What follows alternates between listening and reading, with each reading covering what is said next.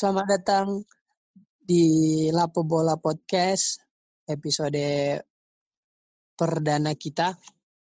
Jadi um, balik lagi sama aku Gabriel dan dengan aku juga uh, Daniel. Oke, um, jadi kita di sini cuma berdua karena Leonel masih dengan kesibukannya. Ya, dia masih ya. bantu-bantu orang tua ya biasalah. Ya kita maklumi lah ya, mungkin di episode selanjutnya eh, Leonel bakal tetap bisa ikut ya. Oke, um, mungkin topik hari ini sesuai dengan bocoran yang kemarin bahas Liga Inggris kita ya Bang Dan. Iya betul Liga Inggris. Liga ya. yang paling top di dunia. Liga paling kompetitif di dunia. Ya betul. Betul. Um, mungkin bahas transfer aja kita ya dari klub-klub top 6 gitu. Apalagi um, paling banyak kan yang transfer Liga Inggris juga kan. Ya, yang paling sibuk ya bang. Seru lah kalau um, bahas transfer ini. Ya, mungkin um, kekuatan pertama dari MU lah. MU ya. Cuman oh. ini. Sebetulnya yang datang masih Van de Beek aja ya sama Henderson hmm. Ya, balik kampung ya. Uh, dihitung-hitung sih nggak nggak terlalu berdampak banyak ya, ya paling cuma menambah ke kekuatan kedalaman tim apalagi uh, di sisi gelandang ya. Ya terlebih kalau kiper ya sebetulnya dengan adanya Sergio Romero atau Henderson menurutku nanti bakal membuang banyak pengeluaran aja ya gaji pemain. Hmm. Mudah-mudahan nanti salah satu dari mereka, kayaknya Romero sih bakal pindah ya. Kalau kau Gap gimana Gap? Kuat kedalaman squad yang nambah satu, Donny van de Beek mungkin, yuk balik lagi kan mungkin efeknya ini bakal pemain-pemain sebelumnya jarang bermain lah ya, kayak McTominay atau bahkan Daniel James yang awal musim tahun lalu lumayan menjanjikan mungkin bakal musim ini banyak di bangku cadangan. Andres Pereira juga. Ya banyak pemain lagi lah. Juan Mata. Mungkin itu sih efeknya ya Bang. Nah ya, itu juga kan Gap. Kemarin ada rumor juga. Kayak Jesse Lingard, Fred. Hmm. Dan beberapa pemain hmm. kan mau dijual kan. Jadi ya, ya. itu langkah yang cukup tepat sih. Mengingat kita udah punya banyak stok gelandang ya. Tapi jangan sampai juga dengan kebanyakan stok ini ya jadi nggak bermain gitu loh ya mendingan dijual aja. Ya mbak atau enggak dipinjamkan nah, ya mungkin musim selanjutnya kan bisa gabung lagi udah matang lah gitu ya. Kayak bisa kayak Deva itu um, uh, eh, udah dibu uh, dibuang ke Lyon malah bersinar ya bahkan sekarang mau dicer Barca kan. Uh ya mungkin ya musim kayaknya belum belum terlalu kuat lah ya sama ke dalam squad yang dimiliki tim-tim lain. Misal contoh kayak um, Chelsea, Liverpool, City. Waduh. Masih kalah ya. Misalkan kita bandingin sama ya orang-orang bilangnya kalau Chelsea sekarang kan yang menang transfer di tahun di musim ini kan.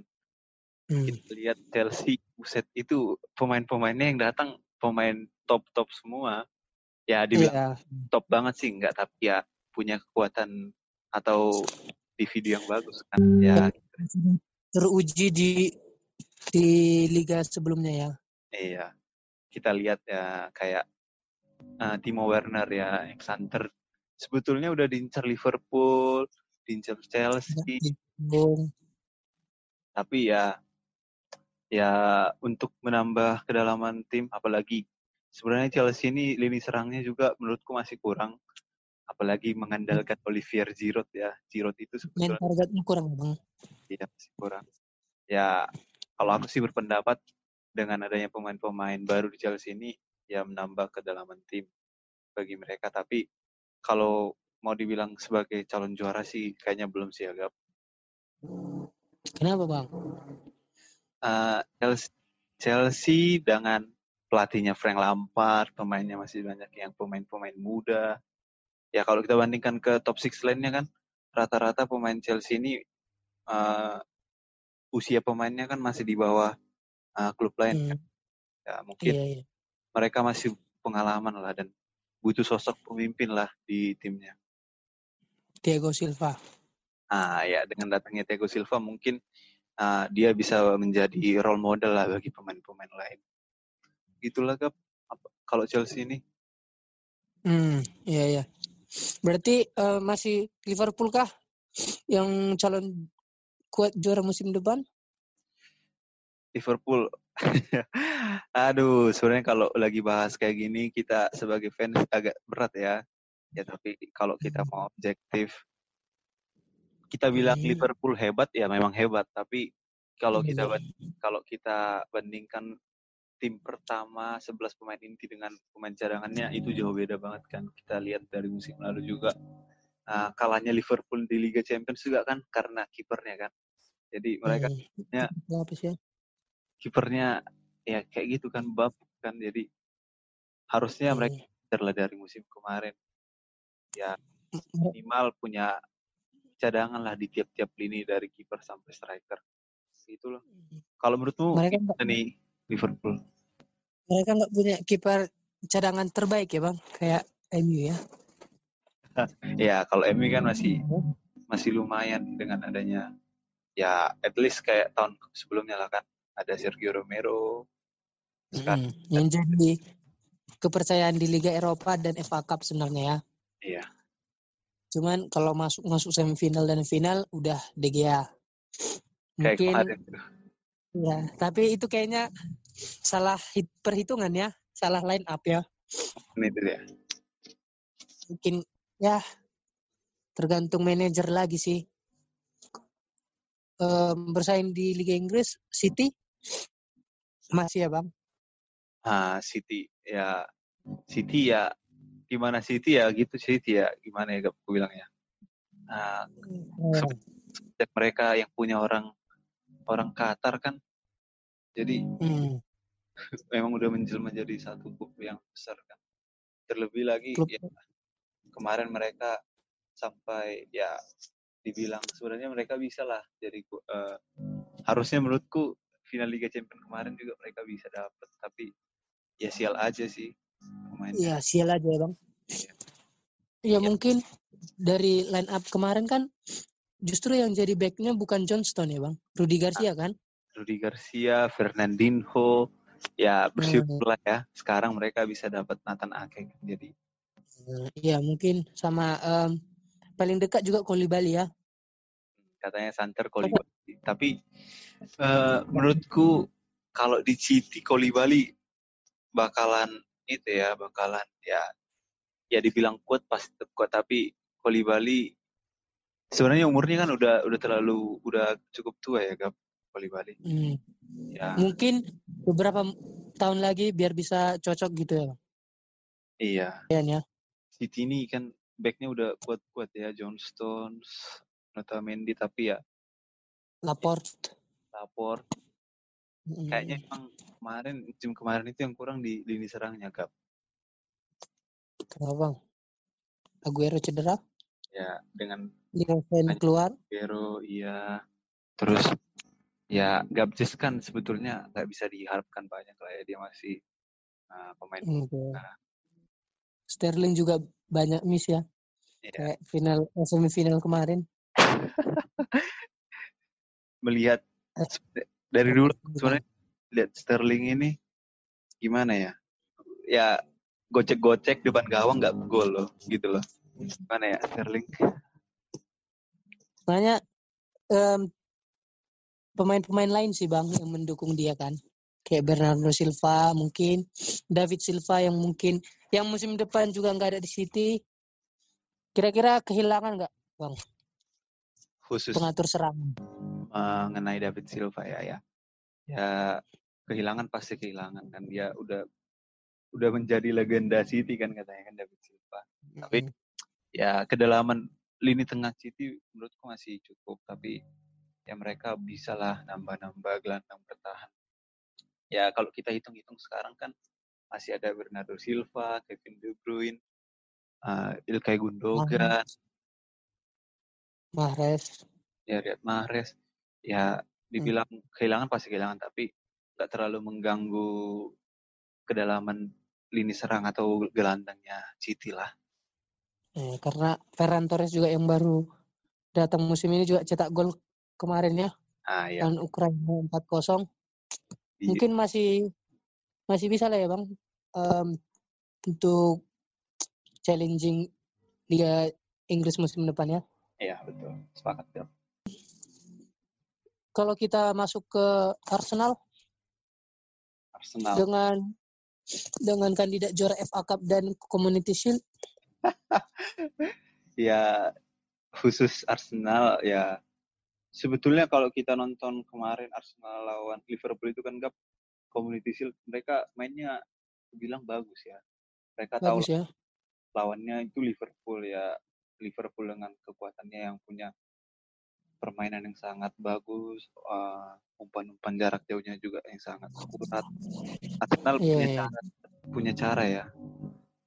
Tapi kan permasalahannya kalau liga ini kan ini kan masalah konsistensi dan masalah jangka panjang kan beda sama kayak kayak community bukan bukan sekali main menang langsung lolos ya iya ya masalahnya hmm. kan ya mungkin mereka bisa lah mempersulit uh, tim-tim top six lainnya kan tapi giliran hmm. ketemu hmm. tim papan tengah tim papan bawah nanti permasalahannya apakah ya mereka bisa menyerang atau enggak apalagi kalau udah masuk um, tandang ya.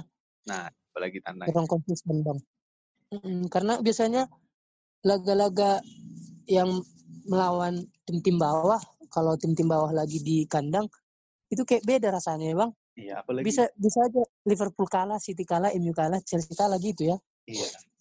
Liga Inggris Makanya ini gimana ya uh, iya. tim, tim bawahnya main kan agak gimana gitu ya meskipun tim bawah yang main bisa lo ngalahin tim papan atas kalau di kandangnya kan hmm. masih tertarik untuk ditonton gitu lah ya masih tertarik jadi um, perjudian sepak bola dunia itu masih berlaku kalau tim besar lawan tim kecil iya susah masih susah ditebak ya. Iya, betul betul betul. Ya mungkin Arsenal dengan datangnya William belum bisa ya, Bang. Uh, khusus mengenai William dia mungkin ya dia bakal menjadi sosok pemimpin lah ya bagi teman-temannya di lini serang. Dia udah punya hmm. pengalaman di timnas maupun di Chelsea ya kan.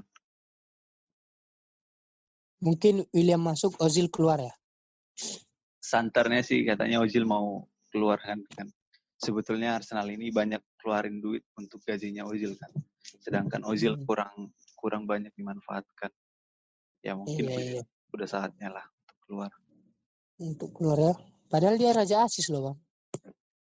Mungkin beberapa ta dua tiga tahun yang lalu atau se Liga Champions Piala Dunia Liga Spanyol Liga Bundesliga juga dia raja asis sebenarnya. Tapi kok di Arsenal kayak gini bang?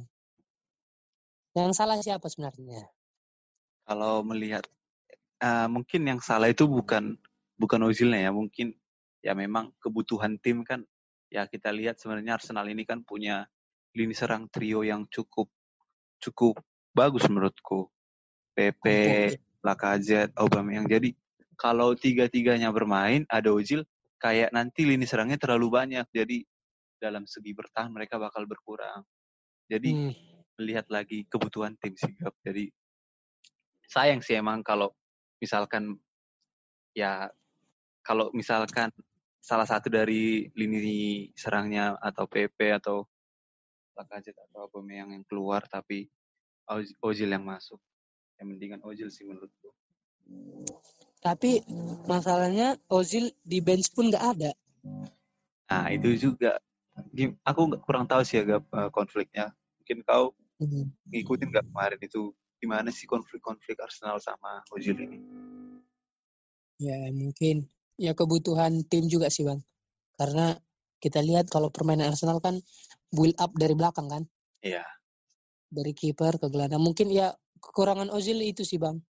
Kurang kurang mahir kalau bertahan ya. Iya. Mungkin sekali counter attack bahaya juga ya. Hmm, belum lah ya mungkin Arsenal teman-temannya di papan tengah seperti Tottenham ya. Kau udah bilang papan tengah ya, Gap. Ini ada ada apa Hmm. gerangan nih, Gap? Kau bilang Gap papan tengah Tottenham. Karena ya nggak ya susah juga sekelas Jose Mourinho. Ya emang terbukti, terbukti lah Jose Mourinho kemarin waktu di Porto juara Liga Champions dulu bahkan ngalahkan MU kan Ya. sebelum mereka juara. Tapi mungkin dengan tim seperti Tottenham kansnya dikit kali sih. Kenapa dikit tuh? Karena eh, pemain-pemain yang di Tottenham nggak sesuai dengan gaya permainan Jose Mourinho gitu maksudku. Sebenarnya Jose Mourinho tipikalnya kan juga pemain-pemain besar ya tinggi gitu kan.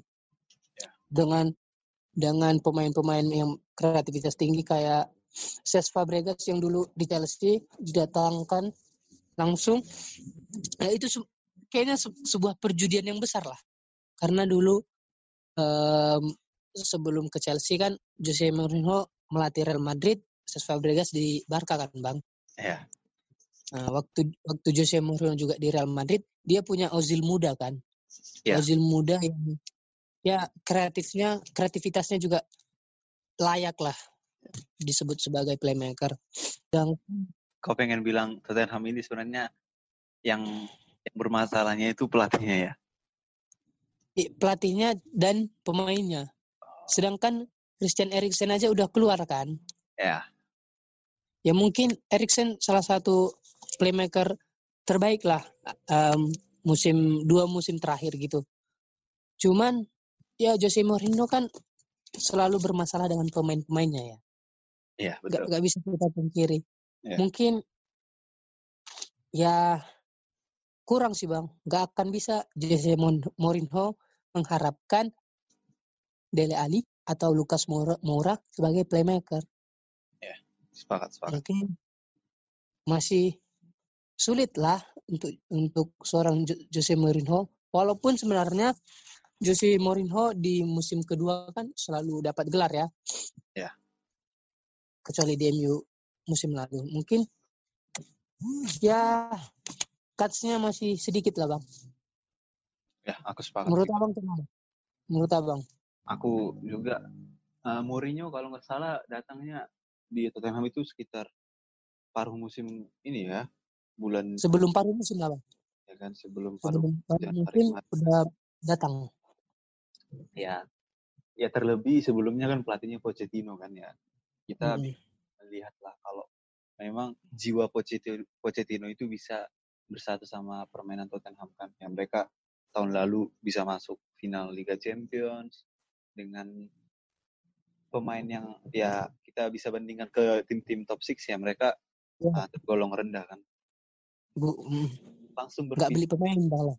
Iya, dan gak membeli pemain. Dan mainannya kan, ya kita tahu lah ya, mereka, dia parkir bus, terus dia ya, sama kayak yang kau bilang tadi, gak butuh pemain besar, dan butuh Mm-mm. playmaker kan. Jadi, melihat keadaan tim dan gaya permainan yang di- dimainkan oleh Mourinho, ya Tottenham ya mungkin ya meramaikan lini eh, klasemen tengah. Akan tengok.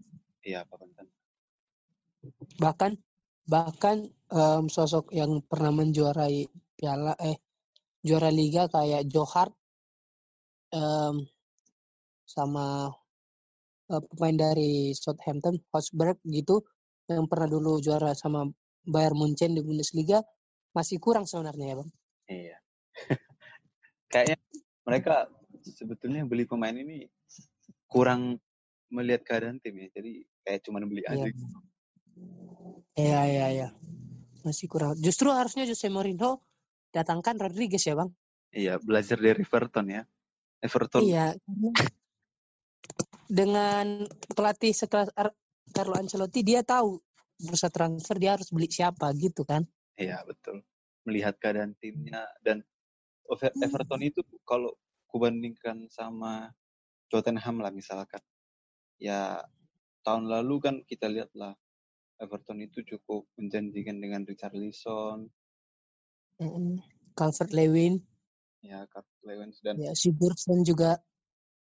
Plus ah, sekarang kan berarti ada duo Kolombia kan di Everton ini. Yes, Yerimina. Yerry Mina yang dulunya dari Barca. Nah, Mm-mm. ber- Ya mungkin bisa bersaing lah ya bang. eh, meramaikan lima besar kayaknya Everton bakal bisa ya. Apalagi pelatihnya pelatih yang cukup berpengalaman dan udah terbukti kan Carlo Ancelotti. Ya ya, karena dulu juga karena Ancelotti masuk udah paruh musim ya bang. Iya. Mungkin di awal musim bisa lebih padu lah permainannya ya. Iya. Nah, terus em, mungkin prediksi buat tim-tim yang baru promosi nih bang. Ada Fulham, Leeds, West Brom. Kira-kira bertahan atau enggak nih bang? Eh. Prediksi-prediksi kecil aja. Eh, sebetulnya aku kurang terlalu banyak tahu ya nah. Sekarang tapi melihat soalnya kan West Brom Fulham ini kan dulu juga udah sering main di liga kan Iya. ya setahun berada di divisi satu terus naik lagi ya mungkin kayaknya mereka tahun ini bakal bisa bersaing ya Hmm. Leeds tiga tiga bakal bertahan sih Oh, berarti ada tim lama yang bakal degradasi ya, Bang? Iya. Ya, emang. Ya, mungkin em, minggu minggu ini bakal mulai Liga Inggris, Liga per- perdana Liga Inggris 4 match ada Fulham Arsenal, West Ham Newcastle, Crystal Palace Southampton, Liverpool Leeds. Mungkin prediksi singkatnya, Bang? Mulai dari Fulham Arsenal. Eh, kalau kita ngomongin pertandingan pertama sih ini ceritanya pasti bakal gimana gitu ya apalagi keadaan sekarang kan baru Nation League kan baru selesai nanti mungkin Iya, iya. Iya, jadi ini masalah kebugaran dan masalah pemain baru apakah bisa langsung match dengan Klopp. kan ya kan Mm-mm. jadi ya terlebih match pertama ini Fulham Arsenal ya tim Ya. tim gradasi langsung ketemu dengan Arsenal yang kemarin cukup busur main dan mendatangkan pemain seperti Gabriel ya kan Gabriel Magalhaes ya. Ah, kalau dibilang kalau mau prediksi ya mungkin kita bakal ngelihat Arsenal cukup dikdaya Menang ya. Oke. Kira-kira selisih berapa gol? kalau masalah gol ah, balik lagi nanti berjalannya pertandingan tapi aku rasa Asik. eh, menang meyakinkan lah nggak cuma beda satu atau beda dua mungkin bisa beda dua atau beda tiga Sam Newcastle. Eh, sebenarnya West Ham dan Newcastle ini kalau di Inggris kan kekuatannya kekuatan fansnya cukup banyak ya kalau kita perhatiin Ya. Bahkan bahkan tahun-tahun 90-an Newcastle masuk Liga Champions ya, Bang. Juara iya. Liga juga. apalagi katanya kan Jadi sekarang- memang fansnya keras. Iya, apalagi sekarang eh, katanya beberapa tahun lagi Newcastle bakal jadi kekuatan besar di ya. ya. Hmm, ya. Tapi khusus di match ini, kurasa eh, West Ham kan eh, basisnya di Inggris kan ya. Kalau kita lihat itu pertandingan kan eh, West Ham melawan tim dari London, kota London, cukup banyak juga yang nonton. Eh, Prediksi siapa yang menang ini, Bang? kalau aku megangnya sih West Ham sih, Gap. Aku kalau lihat West Ham main di kandang itu kayaknya lebih enak aja. Hmm, iya, iya, iya. Karena emang kekuatan di kandang itu beda ya, Bang. Ya, sama. Beda hal, beda halnya kalau Newcastle harus di kandang ya. Mungkin pertandingan selanjutnya Crystal Palace Southampton. Mhm. Kalau aku Bang? aku langsung tembak yang menang, mungkin aku bakal milih Southampton kali ya. Konsisten di musim lalu ya. Setelah mereka kalah 9-0 di kandang lawan Leicester, justru mereka selanjutnya bisa bertahan di Liga Inggris ya, Bang. Iya.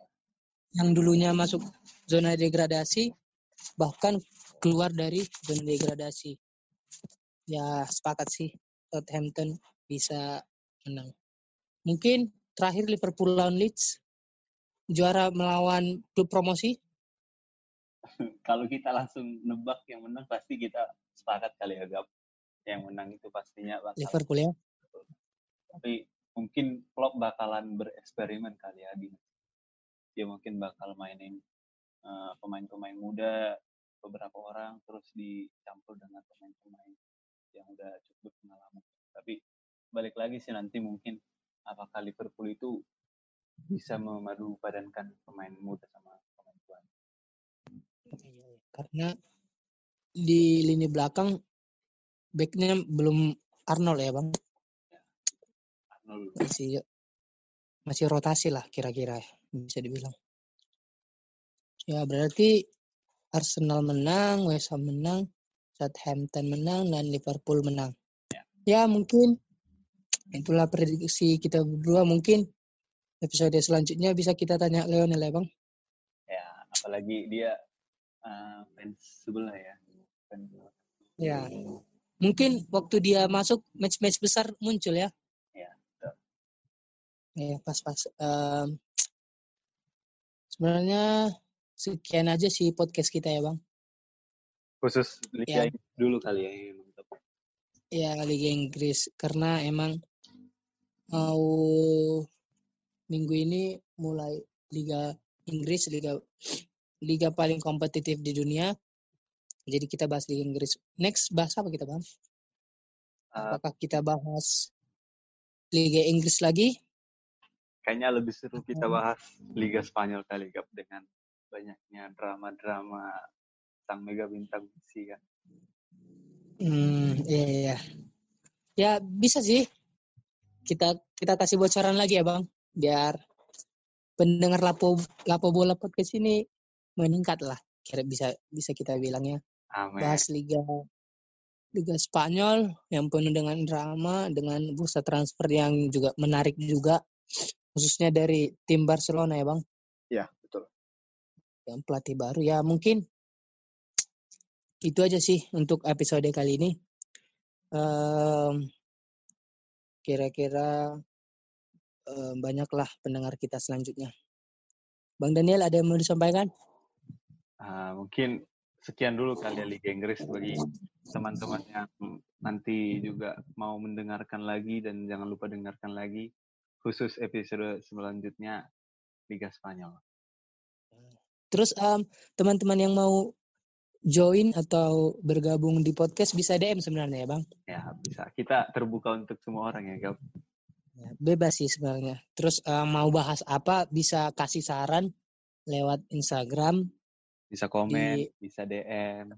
ya at, at Lapo Bola Podcast. Jadi ya emang ini podcast santai-santai lah dari kami bertiga mahasiswa yang kurang kerjaan sebenarnya. Ya mungkin itu aja mungkin di episode kali ini. Oke bang, Oke. Em, kita bertemu di episode selanjutnya. Oke? Oke.